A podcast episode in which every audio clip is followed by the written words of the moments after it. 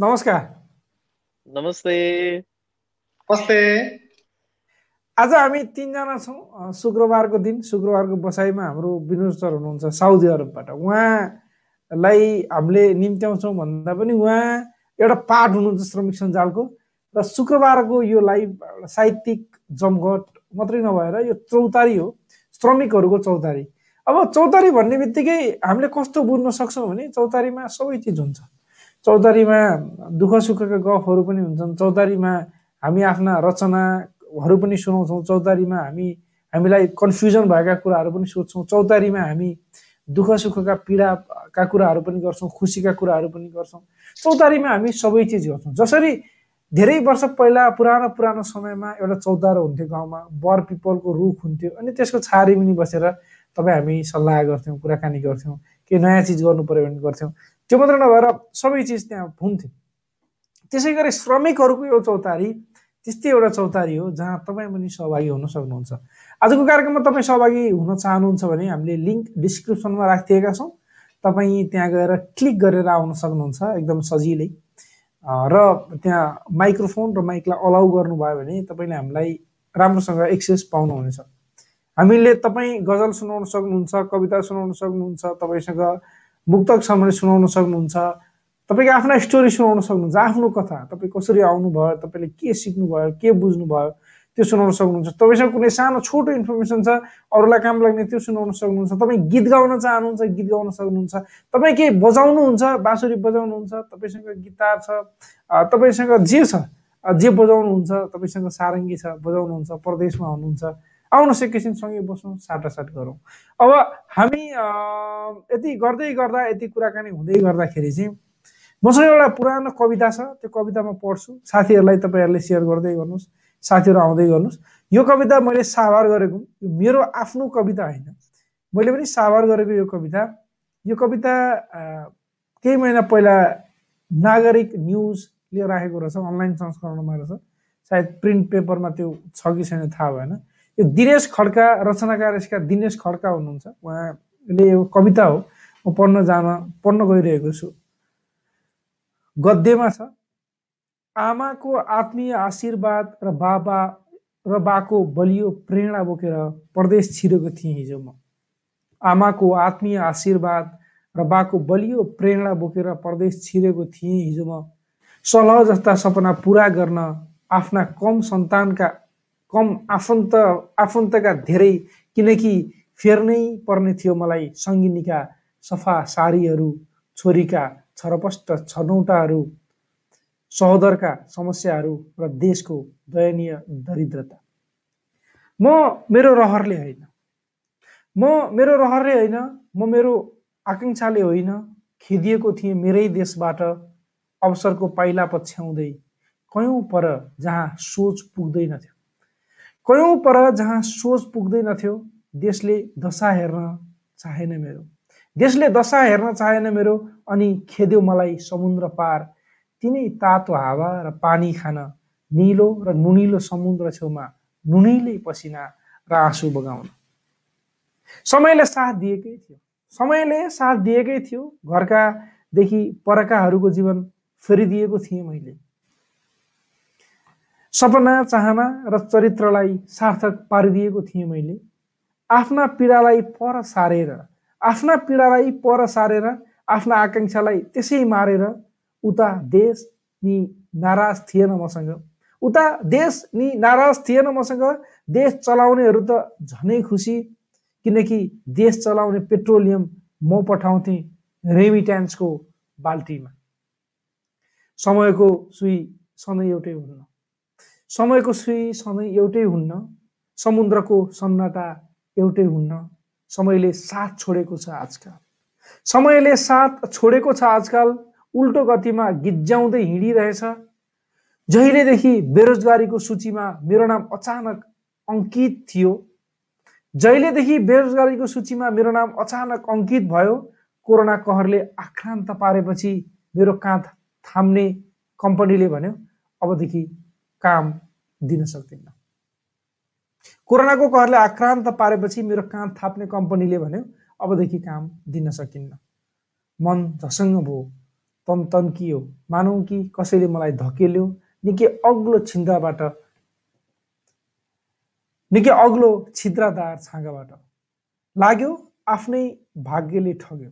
लाग्यो आफ्नै भाग्यले ठग्यो आफ्नै सारा सपनाहरूले छले आफ्नै देशले खेदेर हिँडेको म अर्काको देशमा आश्रयको आश गरिन बिजोग बनाएर बसायो मलाई।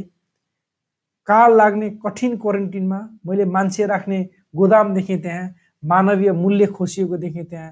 धिक्कारे आफ्नै असल अस्तित्वलाई जब मानव बीच घिडा हाँसिरह्यो। यो निकै लामो रहेछ मैले अहिले यति नै पढेँ। यो पछि टाइम भयो भने फेरि पढाउला कि जस्तो लाग्यो। पढ्दा पढ्दै सकिँदै नसकिने रहेछ तर एउटा पुरै स्टोरी छ यहाँनिर। साथीहरूले यसलाई अरू के भन्ने यसलाई वान्स मोर भने जस्तो अरू आग्रह गर्नुभयो अथवा साथीहरूलाई भयो ठिक लाग्यो भने यो पढौँला। मैले यति लामो सवाल जस्तो लागेको थिएन सुरुमा सुरु गर्दाखेरि। यहाँहरू पनि आउन सक्नुहुन्छ जोडिन सक्नुहुन्छ। अलिकति छोटाहरू भयो छोटो छोटो भयो भने अझै धेरै साथीहरूलाई समेट्न सकिन्छ। मैले एउटै मात्रै कविता भनेर सबै समय सकेँ भने तपाईँको सहभागिता पनि हुँदैन भनेर पनि हो। अब भरि सर के गरौँ? हाम्रो विनोदजीको केही सुनौ। हुन्छ विनोदजीको सुनौ अहिले हजुरले भन्नुभएको कवितामा एउटा कुराले ठ्याक्कै छोयो मलाई होइन? सबै कुराले छोयो तर विशेष गरी अहिले जुन कोभिड पछि कोभिड सङ्क्रमण भएपछि धेरै आप्रवासीहरूलाई निकालिएको छ। निकालिने मध्येमा म पनि एक हुँ होइन? कोभिड कारणले टर्मिनेसन पर्ने। त्यसकारण कतिपय कुराहरूले एकदम सत्यता बोल्छ बाध्यता बोल्छ र हामीले भोगिरहेका भोगाई बोल्छ। त्यो नै ठुलो कुरा हो जस्तो उहाँले भन्नुभएको छ होइन? अब एउटा क्वारेन्टाइनको कथा पनि भन्नुभएको छ धेरै कुराहरू छ जस्तो घर चल्नुको कारणहरू सबैको एउटै हुन् होइन? सबैको एउटै कारण हो। परिवार पाल्ने श्रीमती पाल्ने छोराछोरी पाल्ने एकदमै रिलेट गर्छ आरपी सर। थ्याङ्क यू हाम्रो अब विवेक सरसँग जाने हो कि? हस् सरहरूलाई धन्यवाद दिन चाहन्छु। सानो रचना छ वाचन गर्न चाहन्छु अनि हामीलाई हेर्नु भने सम्पूर्ण दर्शकहरूलाई यदि तपाईँसँग रचना छन् भने पठाउन सक्नुहुन्छ। हामी क्रमशः तपाईँका रचनाहरूलाई पनि लिनेछौँ। कविता गजल मुक्तक र साहित्यहरू पनि तपाईँले पठाउन सक्नुहुन्छ। तपाईँ आफै पनि हामीसँगै जोइन भएर हामी जस्तै गरेर तपाईँले लाइभमा आफ्नो आफै रचना वाचन पनि गर्न सक्नुहुन्छ। म एउटा सानो रचना छ मेरो म वाचन गर्न चाहन्छु। एउटा फुलेको फुलको थुङ्गा हो जीवन। एउटा एउटा फुलेको फुलको थुङ्गा हो जीवन। सुन्दर आँखाले हेरेर हाँस्न सिक। एउटा फुलेको सुन्दर थुङ्गा हो जीवन। सुन्दर आँखाले हेरेर हाँस्न सिक त्यही फुलेको फुलले बुझ्ने ढुङ्गा हो जीवन एक स्वच्छ मनले बाँच्न सिक।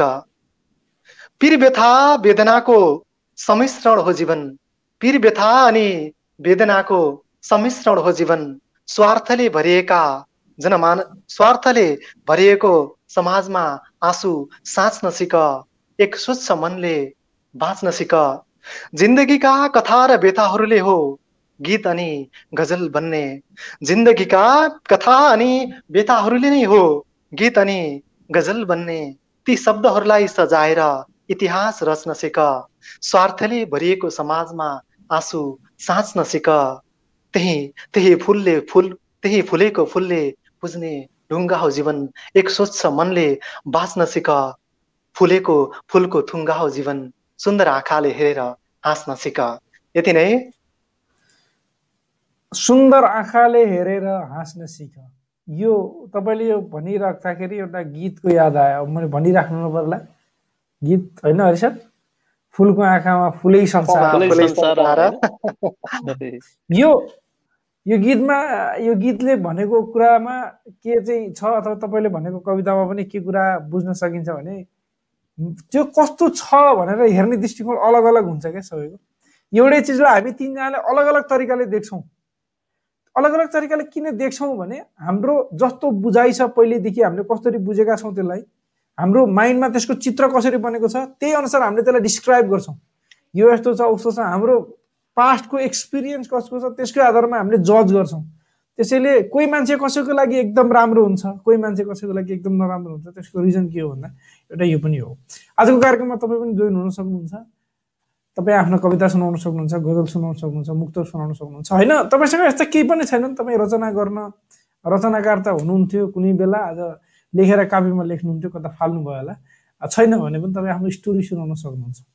स्टोरी तपाईँ कसरी परदेश आउनुभयो? तपाईँले परदेश आउँदाखेरि के सपना देखेर आउनुभएको थियो? अहिले ती सपना पुरा भएका छन् कि छैनन्? अथवा तपाईँ अरू के सोचिरहनुहुन्छ? यी कुराहरू पनि हामी गर्न सक्छौँ। हाम्रा केही साथीहरूले कमेन्ट पनि गर्नुभएको छ। तपाईँ कमेन्टमा पनि पठाउन सक्नुहुन्छ। तर कमेन्टमा पठाउँदाखेरि त्यो कविताको गजलको भाव अलिकति नआउन पनि सक्ने भएको कारणले गर्दा हामीले कविता नै भनेर फोकस चाहिँ गर्दैनौँ। त्यसो त आज शुक्रबारको दिन कति साथीहरू छुट्टीमा हुनुहुन्छ? छुट्टीमा पनि छुट्टी सकिन लाग्यो। छुट्टी बिहिबार बिहानदेखि रमाइलो लाग्न थाल्छ। भोलि छुट्टी हुने भनेर अनि शुक्रबार दिउँसोदेखि अत्यास लाग्न थाल्छ। फेरि भोलिदेखि ड्युटी जानुपर्ने छ भनेर एक दिन छुट्टी हुनुलाई दुई दिन छुट्टी हुनुलाई त शुक्रबारको दिन त फुल मस्तीमै बित्छ होला। शनिबारदेखि बिहानैदेखि अब भोलि ड्युटी जाने भने दिक्क लाग्ला। आइतबार जाने होइन? हजुरहरूलाई हुन्छ कि हुँदैन त्यस्तो? हरि सर हजुरलाई हुन्छ कि हुँदैन त्यस्तो? विशेष मलाई चाहिँ अब मेरो शुक्रबार कहिले छुट्टी नहुने होला त्यस्तो हुँदैन। त्यो आज हाम्रो विनोदजीको पनि सायद हुनु होला छुट्टी हुँदैन? शुक्रबार होइन? हुँदैन। मेरो मेरो र हरिसरको एउटै एउटै हो सायद।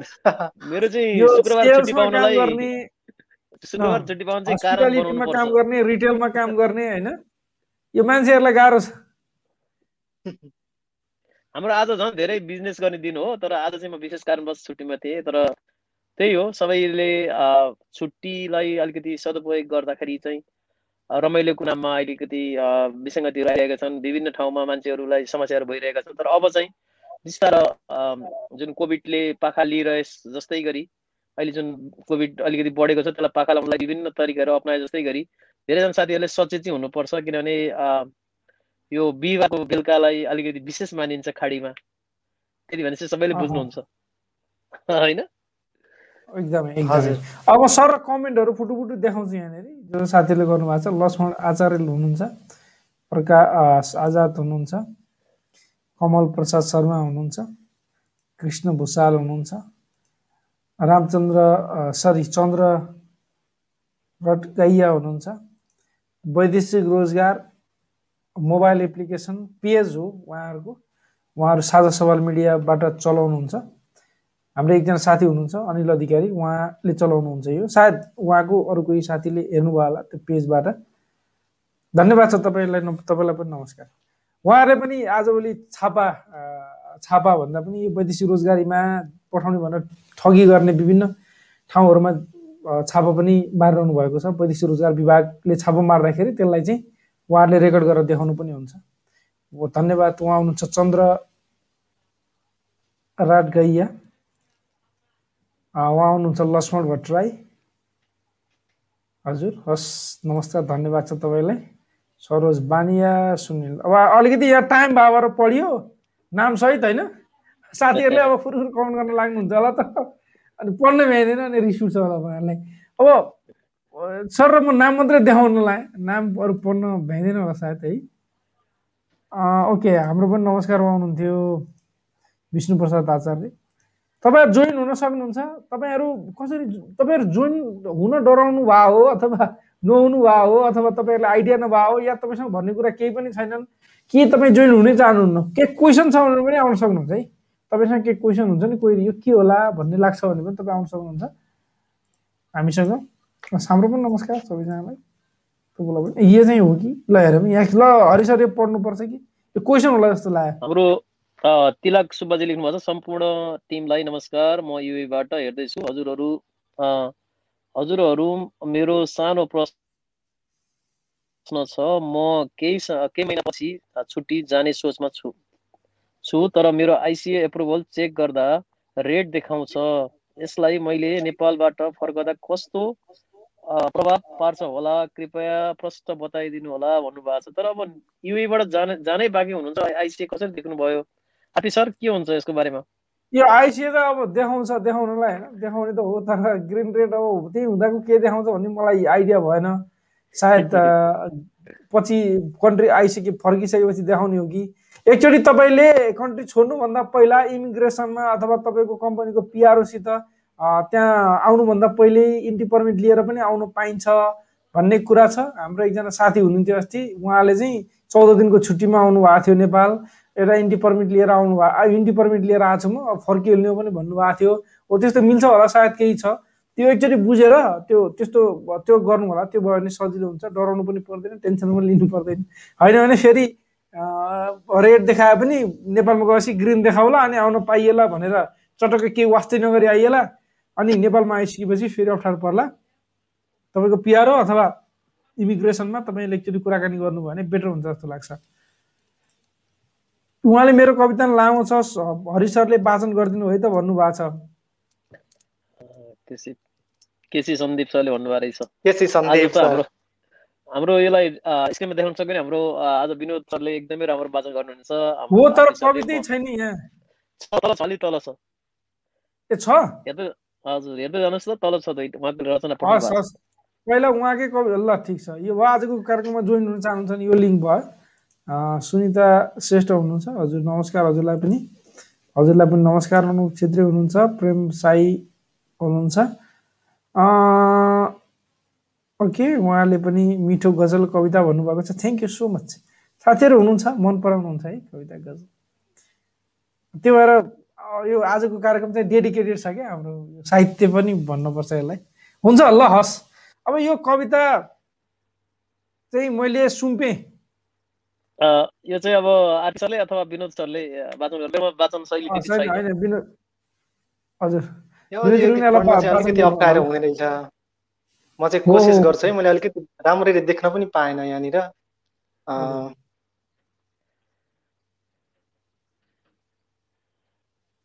म सुरु गर्छु केसी सन्दीपको कविता।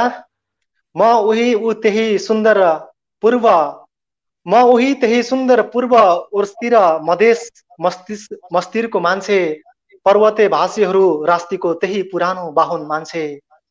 तत्कालीन साठी एकसठी सालतिरको अस्थायी मास्टर बर्जुवा शिक्षा सिकाउने मास्टर भनेर भौतिक सजाय पाएको अब्बल मान्छे। सयौँ पटक कान समाएर उठबस गरेर बाँच्न जानेको त्यही मान्छे। धम्की र चन्दाले पत्र थमाइदा कायर भएर पिन्छे हाँसोमा बाँचेर नाच्न जानेको त्यही पुरानो मान्छे।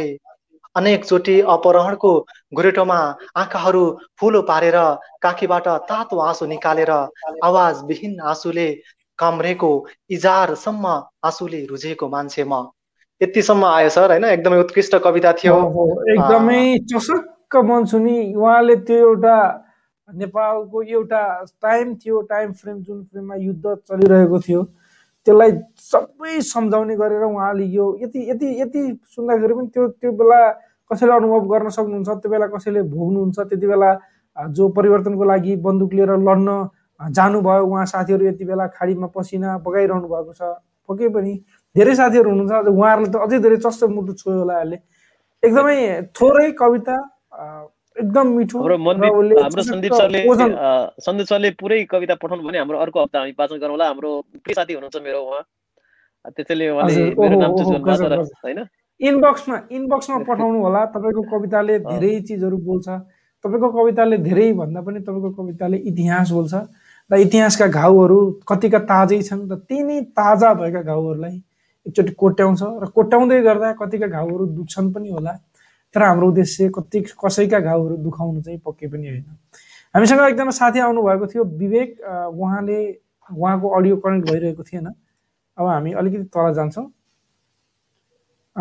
ओके। भरि सर नमस्ते। कुवेतमा अहिले भिजा रिन्यू गर्दा फिङ्गर चाहिन्छ कि चाहिँदैन सर? के छ? भन्नुभएको छ खास कुवेतमा भिसा रिन्युअल गर्दाखेरि बङ्गलादेशी नागरिक र नेपाली नागरिकलाई मात्रै फिङ्गरप्रिन्ट गर्नुपर्ने सिस्टम लगाएको छ होइन?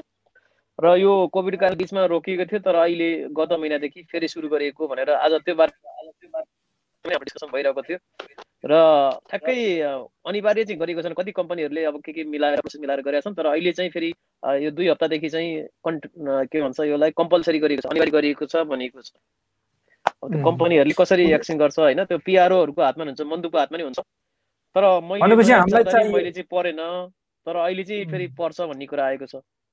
अब मानव इन केस अफ म दार्जिलिङमा बस्छु मेरो भिजा पासपोर्ट इन्डियाको छ मैले नेपाली भाषा बुझ्छु र अहिले तपाईँहरूको भिडियो हेरिरहेको छु भने चाहिँ परेन।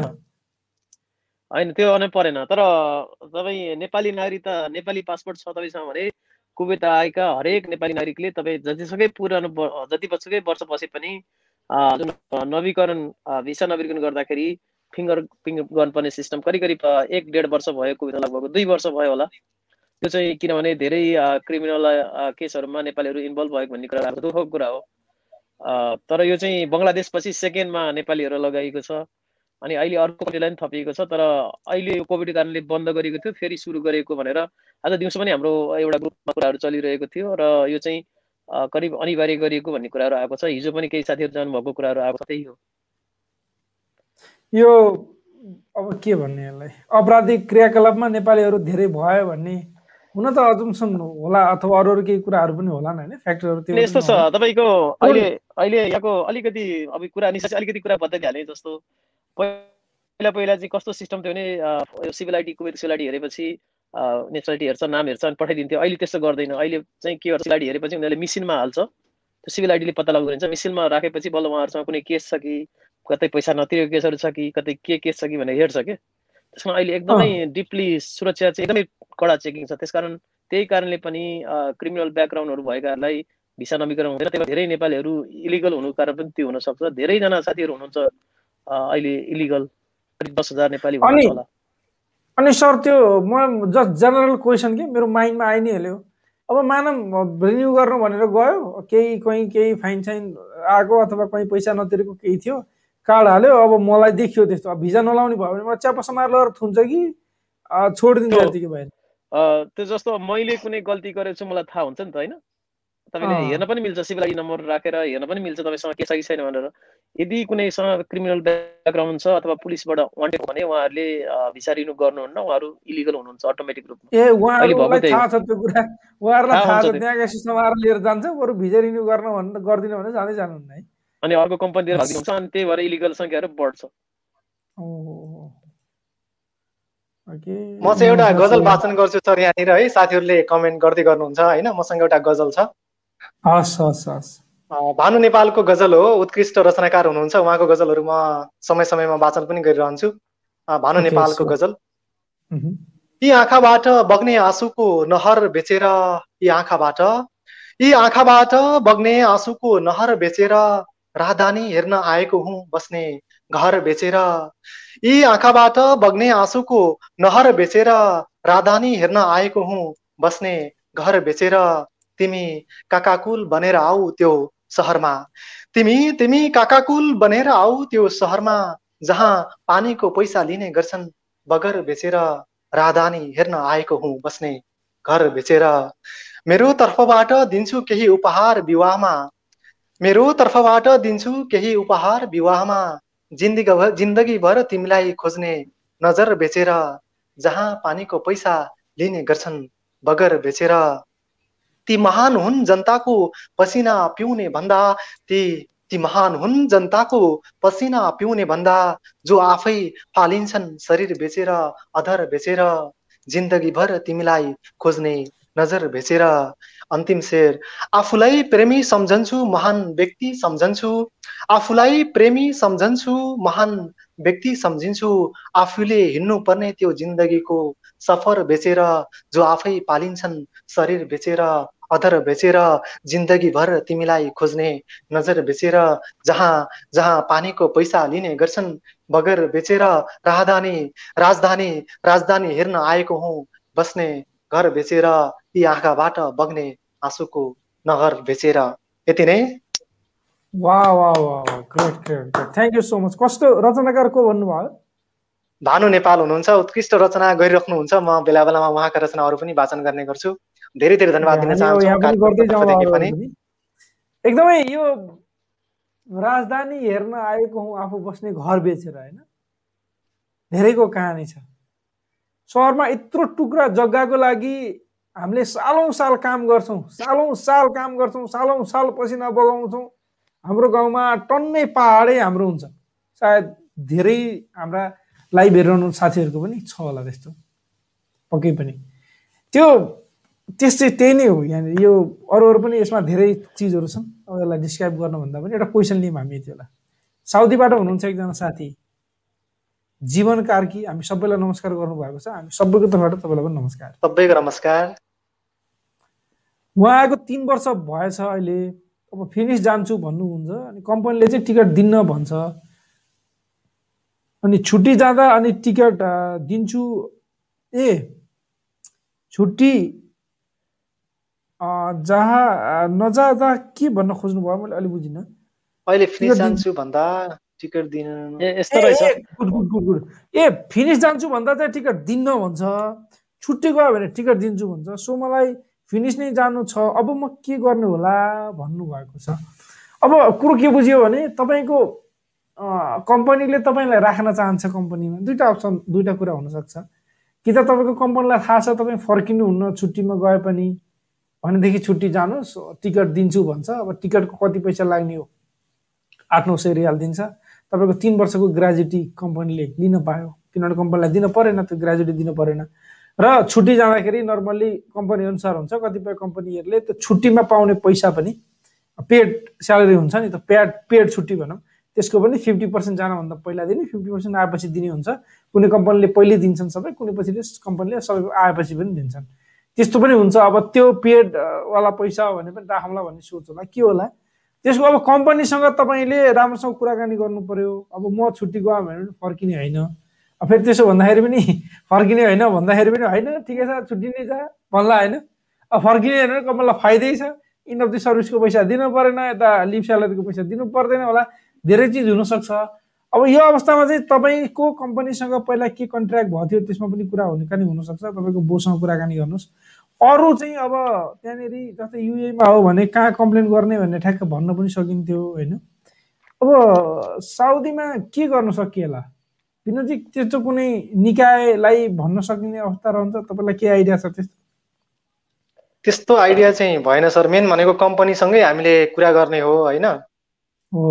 अब कम्पनीसँगै राम्रोसँग कम्पनीसँगै राम्रोसँग मिलेर अलिकति कुराकानी गऱ्यो भने राम्रो हुन्छ होला। होइन? तपाईँले यसो भन्न सक्नुहुन्छ। अहिले म फिनिस जान्छु केही भएन। मेरो अलिकति लामो समय हुनसक्छ म बस्छु। अनि फेरि म तिमीहरूको कम्पनीमा फेरि अर्कोचोटि आउँछु तिमीहरूले फेरि नयाँ भिजा पठाउला। नेपालमा यति गाह्रो छ अप्ठ्यारो छ किन भन्नु पऱ्यो तिनीहरूलाई? होइन? फेरि कम्पनीकै मान्छेले मेरो विचारमा चाहिँ जीवन सरले चाहिँ मेरो विचारमा चाहिँ उहाँ गएर सौदी नै आउन चाहनुहुन्छ होला सायद होइन? उहाँको प्लानिङ त्यही छ होला। त्यही भएर उहाँ चाहिँ फिनिस नै जान खोज्नु भएको मेरो उहाँले कम्पनीलाई यसो भन्नुपर्छ। म उहाँको ठाउँमा भए मैले के भन्थेँ? त्यहाँको म भन्छु है। मैले के भन्थेँ भने होइन अब हेर्नुहोस् अहिले मेरो कन्डिसन त्यस्तै छ। म नेपालमा गएर केही गरौँ कि भन्ने सोचिरहेको छु। तर अब त्यो मैले गर्न लागेको काम सक्सेस होला नहोला मलाई पनि थाहा छैन। भोलि भएन भने म आउने ठाउँ यही हो। म तिमीहरूकै आउँछु तिमीहरूकै काम गर्छु। त्यसो भएर छुट्टीमा गएर अलिकति ढिला होला यसो होला उसो होला। बरु चाहिँ अहिले क्यान्सल गरिदेऊ। फेरि नयाँ भिजा निकालेर आउँला होइन म चाहिँ म भए त्यस्तो भन्थेँ त्यहाँनिर चाहिँ। अब त्यो भन्दाखेरि कतिको फिजिबल होला नहोला कुरो सुन्ला नसुन्ला मान्छे कस्तो थाहा होइन। त्यसो भनेर छुट्टीमा हिँड्ने के अरे क्यान्सलमा गर्ने टिकट सिकट टिकट देऊ भन्ने टिकट लिने हिँड्ने अब बाँकी कुरा भनेको अब त्यसपछि जे जे गर्ने तपाईँ आफ्नो तरिकाले गर्न सक्नुहुन्छ।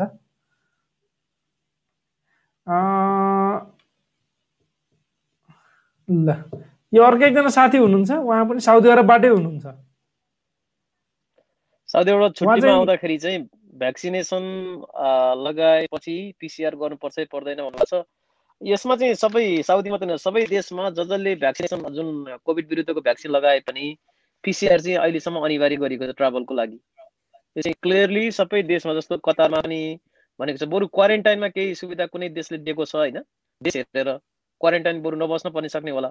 तर पिसिआर चाहिँ गर्नै पर्छ भनिएको छ किनभने पिसिआर भनेको एउटा तपाईँसँग कुनै रोग छ कि छैन अथवा त्यसको सिम्टम कति छ भनेर देख्ने कुरा त हो। होइन हो हो हो एकदमै। पिसिआरको लागि चाहिँ। पिसिआर टेस्ट चाहिँ रहिरहेको छ पछिसम्म जस्तो लाग्छ मलाई। यस्तो चाहिँ कम्पनीले नै दिनुपर्छ ब्रो भनेर उहाँलाई भन्नुभएको छ। हाम्रो अर्को साथीलाई भन्नुभयो होला। हजुर। सबैले नमस्कार भन्नुभएको छ। हाम्रो तर्फदेखि पनि सबैलाई हेर्नुहुने सबैलाई नमस्कार एकमुष्ट रूपमा। नेपाल आएको थिएँ यहाँबाट अबुधाबी गएपछि क्वारेन्टाइनमा बस्नुपर्छ कि नाइ सर? जानकारी पाउनु जा बस्नुपर्छ भन्ने कुरा छ। बसेर पनि चार दिन आठ दिनमा पिसिआर टेस्ट पनि गराउनु पर्छ भन्ने जानकारी थियो अलि पहिलासम्म। अब अहिले ठ्याक्कै त्यो चेन्ज भयो जस्तो चाहिँ लाग्दैन। चेन्ज भयो भए हामीले अपडेट यहाँ सेयर गर्थ्यौँ। हामीलाई पनि अपडेट आउँथ्यो होला। सुसो म्याडमले अपडेट गर्नुहुन्थ्यो त्यो। त्यो छैन अहिलेलाई क्वारेन्टिनमा बस्नुपर्ने हुन्छ।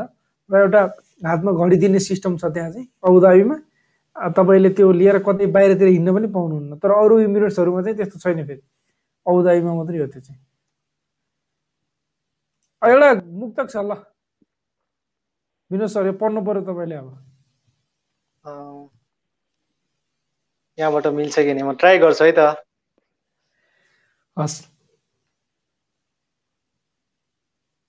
नाम चाहिँ देखाएन है यहाँ फेसबुक युजर भनेर देखाएको छ सायद। ए उहाँ ग्रुपबाट हुनुहुन्छ फेसबुकको त्यो गर्न नदेखाएको। उहाँको नाम म खोज्छु तपाईँले पढ्दै गर्नुहोस् ल।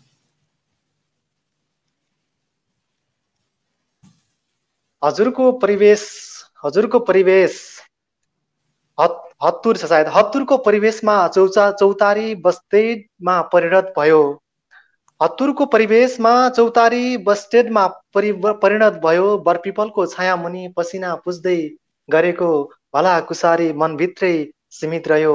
यसलाई विकास भनौँ कि आवाज जे भनौँ मनको कुरा मनमै रह्यो रहने भयो। अह। मधुसूदन सुवेदी हुनुहुँदो रहेछ। हाम्रो सर हुनुहुन्छ। यहाँ मैले नाम पनि अहिले भर्खरै देखेँ। मधुसूदन सुवेदी हुनुहुन्छ। मधुसूदन सुवेदी हुनुहुन्छ हजुर हो उहाँ चाहिँ ग्रुपबाट ग्रुपमा गर्नुभएको छ। ग्रुपमा गरेको चाहिँ यहाँ आउँदैन कि? फेसबुक युजर भन्न आउँछ। वा धेरै गजब खुसी लाग्छ धन्यवाद धन्यवाद दिन चाहन्छौँ मधुसूदन सुवेदी। नियमित श्रोता हुनुहुन्छ हामीलाई हेर्नुहुन्छ माया गर्नुहुन्छ। हामीसँग एकजना साथी रिसाउनु भयो नि यहाँ। किरण भूषाल तपाईँले रिसाउनु भयो भने ठिकै छ। तपाईँ नरिसाउँदा नरिसाउँदै पनि झुकिएर रिसाएको रियाक्सन आयो भने सच्याउनु होला त्यसलाई। यहाँ रियाक्सन रिसाएको आयो क्या सर उहाँको। अँ एचएमएको के होला? उहाँ घिमिरे हुनुहुन्छ। उहाँले क्वेसन सुन्नु भएको छ सर सर प्रश्न सरहरूलाई मेरो कम्पनी भिसा दिन कम्पनी भिसा भिसा दिने एउटाले एउटाले एउटाले भिसा दियो त्यो बन्द भयो काम दिन एउटा कम्पनीले त्यो कम्पनी भिसालाई भिसा लगाइदिन्छु भनेर पाँच महिना हुँदा पनि भिसा लगाइदिएन र म फाइनतिर अर्को कम्पनी जोइन गरेँ र मैले कोर्टमा केस गर्दै गर्दा केही हुन्छ कि नै चार महिनाको स्यालेरी पाउनको लागि प्लिज भनिदिनु होला भन्नुभएको छ। उहाँ सायद मलाई जस्तो लाग्छ उहाँले देश भन्नु भएन। एकजना यस्तै केस चाहिँ मसँग पनि आइपुगेको थियो सायद उहाँ नै हो कि मतलब नाम चाहिँ ठ्याक्कै आएन होइन? अब उहाँले भनेअनुसार अब जुन कम्पनी ल्यायो त्यो कम्पनी बन्द भयो अर्को कम्पनी काम गर्नेले भिसा लगाइदिएन अर्को कम्पनीमा जाँदै हुनुहुन्छ भने जान पाइन्छ तर चार महिनाको पैसा पाउनु पनि पाउनुहुन्छ तपाईँले कोर्टमा जानेको कुनै अरू विकल्पै छैन। तपाईँ यदि त्यस्तो अवस्थामा कुवेतको खण्डमा चाहिँ तपाईँले बकाइदाले सुनमा गएर अथवा कोर्टमा गएर एउटा एप्लिकेसन राखेपछि कोर्टले नै सबै कुराहरू गरिदिन्छ अथवा हेल्प गर्छ। त्यसपछि अनि फेरि अरू फर्दर प्रोसेस गरेर काम चाहिँ कन्टिन्यू गर्न सकिन्छ कुनै कम्पनीमा। अनि त्यो सुनको पेपर भएपछि तपाईँको ओभर स्टे गरामा अथवा ओभर स्टे चार्ज अथवा गरामा होइन अथवा त्यस्तो पनि नहुनसक्छ कतिपय अवस्था कतिपय अवस्था हुन्छ पनि। त्यो सर एउटा कुरा के म तपाईँलाई एउटा फेरि सोध्न चाहेँ। अब यो अलि लजिकल्ली हेर्दाखेरि चाहिँ एउटा कम्पनीले म जब दिन्छु भन्यो। जब दिन्छु भनेर उहाँ काम गर्नुभयो। काम गरेपछि जब चाहिँ दियो। तर भिजा चाहिँ लगाइदिएन पाँच महिनासम्म काम पनि गर्नुभयो स्यालेरी पनि दिएन होइन? अनि त्यो कम्पनी पनि छोडेर उहाँ अर्को नयाँ कम्पनीमा जानुभयो। भनेको सुरुको कम्पनी जुन थियो एउटा कम्पनीको भिजा थियो एउटा कम्पनीमा काम गर्नुहुन्थ्यो। त्यो त्यो कम्पनी छोडेर नयाँ कम्पनीमा जानुभयो। यस्तो हो कि जस्तो लाग्छ कि मलाई? यस्तो अवस्थाहरूमा पनि केटमा कोर्टमा केस गर्यो भने पाइएला त। किनभने उहाँ त त्यो कुनै आधारले कुनै त्यहाँ काम गर्दाखेरि कुनै डकुमेन्टेसनै थिएन उहाँलाई त्यहाँ काम गर्ने। अब त्यो चाहिँ अब प्रमाणहरू चाहिन सक्छ जस्तो क्लक इन क्लक आउट होइन तपाईँको रोटाहरू हुनसक्छ सेड्युलहरूको कपीहरू त्यस्तो कपीहरू लिएर गयो भने प्रमाणहरू भयो भने दिन्छ। भिन्न कुराहरू हुन्छ त्यसमा। अब अरू कन्ट्री जस्तै युएमै हो भने एउटा नर्मल्ली म चाहिँ के सोच यहाँनिर के सोच्न सकिन्छ भने तपाईँसँग भिजिट भिसामा काम गर्न पाइँदैन। होइन? अनि तपाईँसँग भिजै थिएन भने तपाईँले किन काम गर्नुभयो फेरि अन्त? होइन? त्यहाँ भिजा थिएन तपाईँसँग सकिएको थियो भने तपाईँले किन काम गर्नुभयो त? भनेर क्वेसन सोध्न सक्छ क्या कुवेतमा पनि त्यही हो। तपाईँले नयाँ कम्पनी चेन्ज गर्दै हुनुहुन्छ भने पनि नियम चाहिँ के हो भने नयाँ कम्पनीको भिसा नलागिकन तपाईँले एक दिन पनि काम गर्न पाउनुहुन्न। हो अनि यो अवस्थामा त हामी कोर्टमा जाँदाखेरि हामीलाई अप्ठ्यारो पर्ने यहाँले डिस्करेज गर्न खोजेको चाहिँ मैले बिल्कुलै। होइन तर यस्तो हुन्छ। तपाईँ कम्पनी हामी हाम्रो चाहिँ स्ट्रङ पोइन्ट हुनु पर्यो मात्रै भन्न खोजेको। सायद उहाँले भने सर कम्पनी कम्पनी बन्द भएको र अर्को कम्पनीमा सप्लाई कम्पनी हुनसक्छ जस्तो उहाँको एउटा कम्पनी ल्यायो त्यसले सप्लाई गरेको थियो होला होइन? त्यस्तो पनि हुनसक्छ। तर त्यसको उहाँले इनबक्समा आउनुभयो भने डिटेलमा बुझेर केस अनुसार पनि हुनसक्छ। अब कतिपय प्रमाणहरू पनि खोज्छ तर अहिले अब जो पाण्डविक कारणले तपाईँले बाहिर काम पनि गर्न पाउनुहुन्छ विभिन्न अहिले प्रावधानहरू चेन्ज पनि भइरहेछन्। अनि उहाँलाई फाइन पनि लाग्यो उहाँले सायद फाइन पनि तिर्नु भएन। फाइन तिरेर फेरि अर्को कम्पनीमा काम गर्दै हुनुहुन्छ अहिले। ओके खैर यसलाई चाहिँ अलिकति एकचोटि इनबक्समा म्यासेज पठाउनु होला। अलिकति डिटेलमा बुझौँ जस्तो लाग्यो। नत्र भने फेरि कोर्टमा जानुहोस् भनौँ न हामी। तपाईँ कोर्टमा जानु होला उल्टो चाहिँ तपाईँलाई नै गल्ती देखाएर पठाइदियो उल्टो फोगडिया कोर्टमा जाऊ टेन्सन लियो पैसा खर्च गर रजिस्टर गर टाइम जान्छ। होइन अनि हुने केही हुँदैन। झन् उल्टो त्यो अब तपाईँलाई तपाईँलाई गल्ती छ भनेर लड थुन त मिल्ने कुरो भएन। फाइन साइन तिरिसकेपछि अब त्यो गएको कुरा सकिसक्यो। तर झन्झट त धेरै भयो नि त। त्यो भएर अब आजलाई यति नै गरौँ होला। कि जस्तो लाग्यो तर केही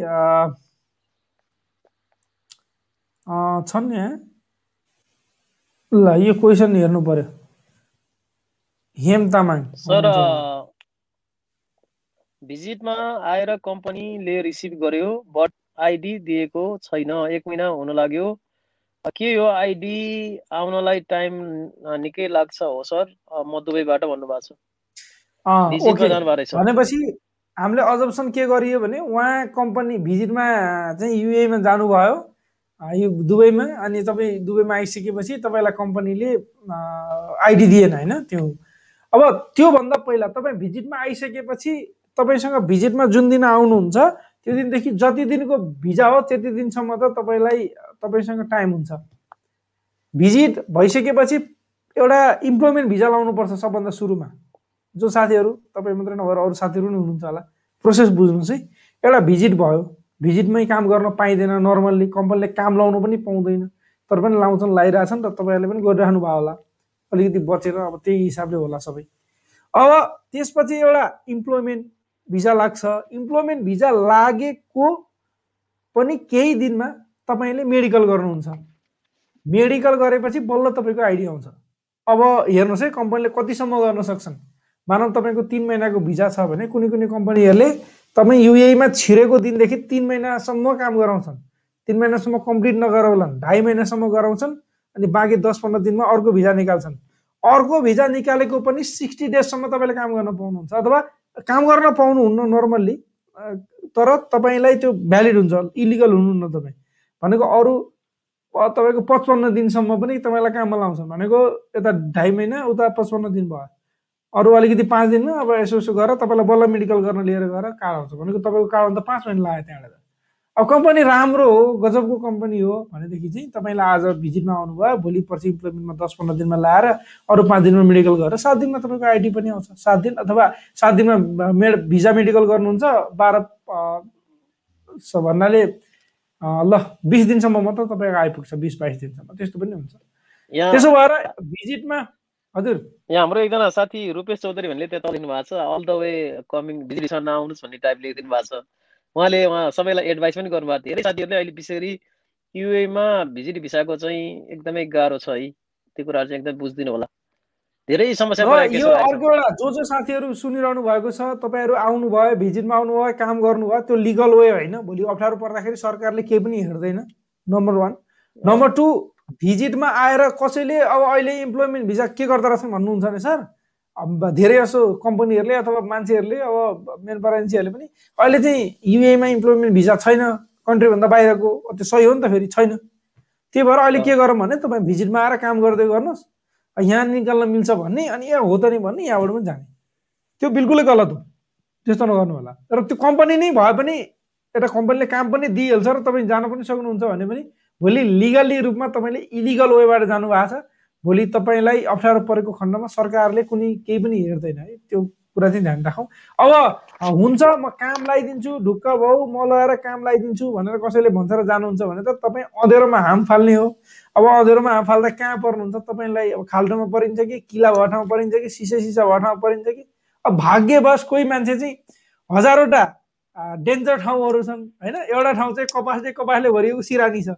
अब हजारजनामा एकजना चाहिँ त्यो कपासले कपासले भरिएको सिरानीमाथि पर्ला आउँदैन हाम फाल्दा अनि त्यसैलाई देखेर ए सबै त्यहीँ हाम फालिन्छ भनेर जानु होला। अनि उन नौ सय उनान्सयजना चाहिँ त्यहीँ अब काट्ने कुट्ने हुन्छ नि त। भन्नाले मान्छेले काट्ने कुट्ने होइन कि त्यो किल्लाहरूले त्यो सिसाहरूले। त्यस्तोमा पर्न सक्नुहुन्छ। मैले उदाहरण दिएको राम्रोसँग बुझ्नु होला यसलाई। र जो साथीहरू अहिले युएमा हुनुहुन्छ दुःख पाउनु भयो उहाँहरूले सुन्नु भएको छ। उहाँहरूले अरूलाई सुनाउनुहोस् कि अरूलाई भन्नुहोस्। अब नेपालमा बसिरहेको त कहाँ यस्तो भिडियो हेर्नु कहाँ यसरी सुन्नु? उहाँहरूलाई त टाइमै छैन नि। होइन त्यति सुने उसलाई थाहा छ। नपरिकन मान्छेले वास्तै गर्दैन यस्तो कुराहरू। यहाँ एकजना दमु रश्मि भन्नेले कतारबाट नेपाल जानलाई के गर्नुपर्छ भन्नुभएको छ? धेरैजना साथीहरूले नेपालदेखि कुनै पनि देशबाट नेपाल जानलाई के गर्नुपर्छ भनेर सोधिरहनु भएको छ। र नर्मली त्यो क्वेसनहरू आइरहन्छ तर यसको लागि एकदम सिम्पल के छ भने अहिले नेपालमा क्वारेन्टाइन सुरु भएको छैन। गएपछि क्वारेन्टाइन बस्नु पर्दैन तपाईँहरूले पिसिआर गर्नु पर्यो टिकट चाहियो। अनि एउटा सिसिएमसीको फर्म भर्नुपर्ने हुन्छ त्यति मात्र हो चाहिँ अहिलेलाई। जुन देशमा हुन्छ त्यो देशबाट पिसिआर गर्ने टिकट लिने पहिला टिकट लिएर पिसिआर गर्ने। पिसिआर नेगेटिभ भएन भने टिकट चेन्ज गर्ने टाइपको टिकट लिने त्यसरी जाने हो। अनि अर्को एउटा क्वेसन चाहिँ हाम्रो लाल तमु महतोले कुवेतको लकडाउन बारे भनिदिनु भनेर लेख्नु भएको छ कुवेतको लकडाउनमा चेन्ज भएको के छ भनेर सोध्नु भएको छ। उहाँले अब चेन्ज चाहिँ केही छैन तर लकडाउन चाहिँ एप्रिलको बाइस तारिकसम्म भनेको छ। सरकारले घोषणा गरेको छ। एप्रिलको आठ तारिकबाट यो अहिले चाहिँ सात बजी ए छ बजीबाट हुन्छ भने एप्रिलको आठ तारिकबाट चाहिँ बेलुका सात बजीदेखि बिहान पाँच बजीसम्म कर्फ्यू हुन्छ। बेलुका सात बजीदेखि दस बजीसम्म चाहिँ बिना सवारी साधन हिँड्न पाउने हिँडडुल गर्न पाउने भनिएको छ।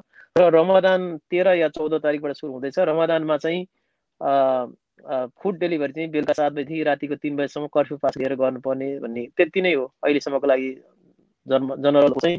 तर एउटा कुरा चाहिँ मैले यहाँ के कुरा भन्न चाहेँ भने मार्च भरिमा कुवेतमा उन्चालिस हजार नौ सय एकसठीजना सङ्क्रमित हुनुभयो दुई सय चालिसजनाको मृत्यु भयो। यो चाहिँ अहिलेसम्मकै सबभन्दा बढी हो। अहिलेसम्मकै सबभन्दा बढी रेकर्ड त्यस कारणले कुवेतले एकदम स्ट्रिक्टली धेरै कुराहरूमा स्ट्रिक गरेको छ। तपाईँहरू जो जहाँ जसरी कुवेत मात्रै होइन हरेक देशले अहिले एकदम स्ट्रिक गरेको छ। तपाईँहरू सबैले त्यही ख्याल चाहिँ गर्नुपर्ने हुन्छ।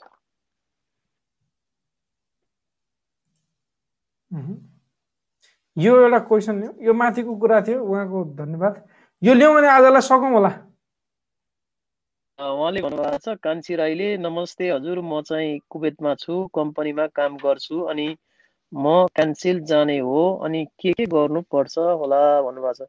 क्यान्सिल जानलाई तपाईँले सम्बन्धित कम्पनीमा कम्पनीको पिआर अथवा मन्दुत मार्फत क्यान्सिल जानको लागि भिसा क्यान्सिल गर्नुपर्ने हुन्छ होइन?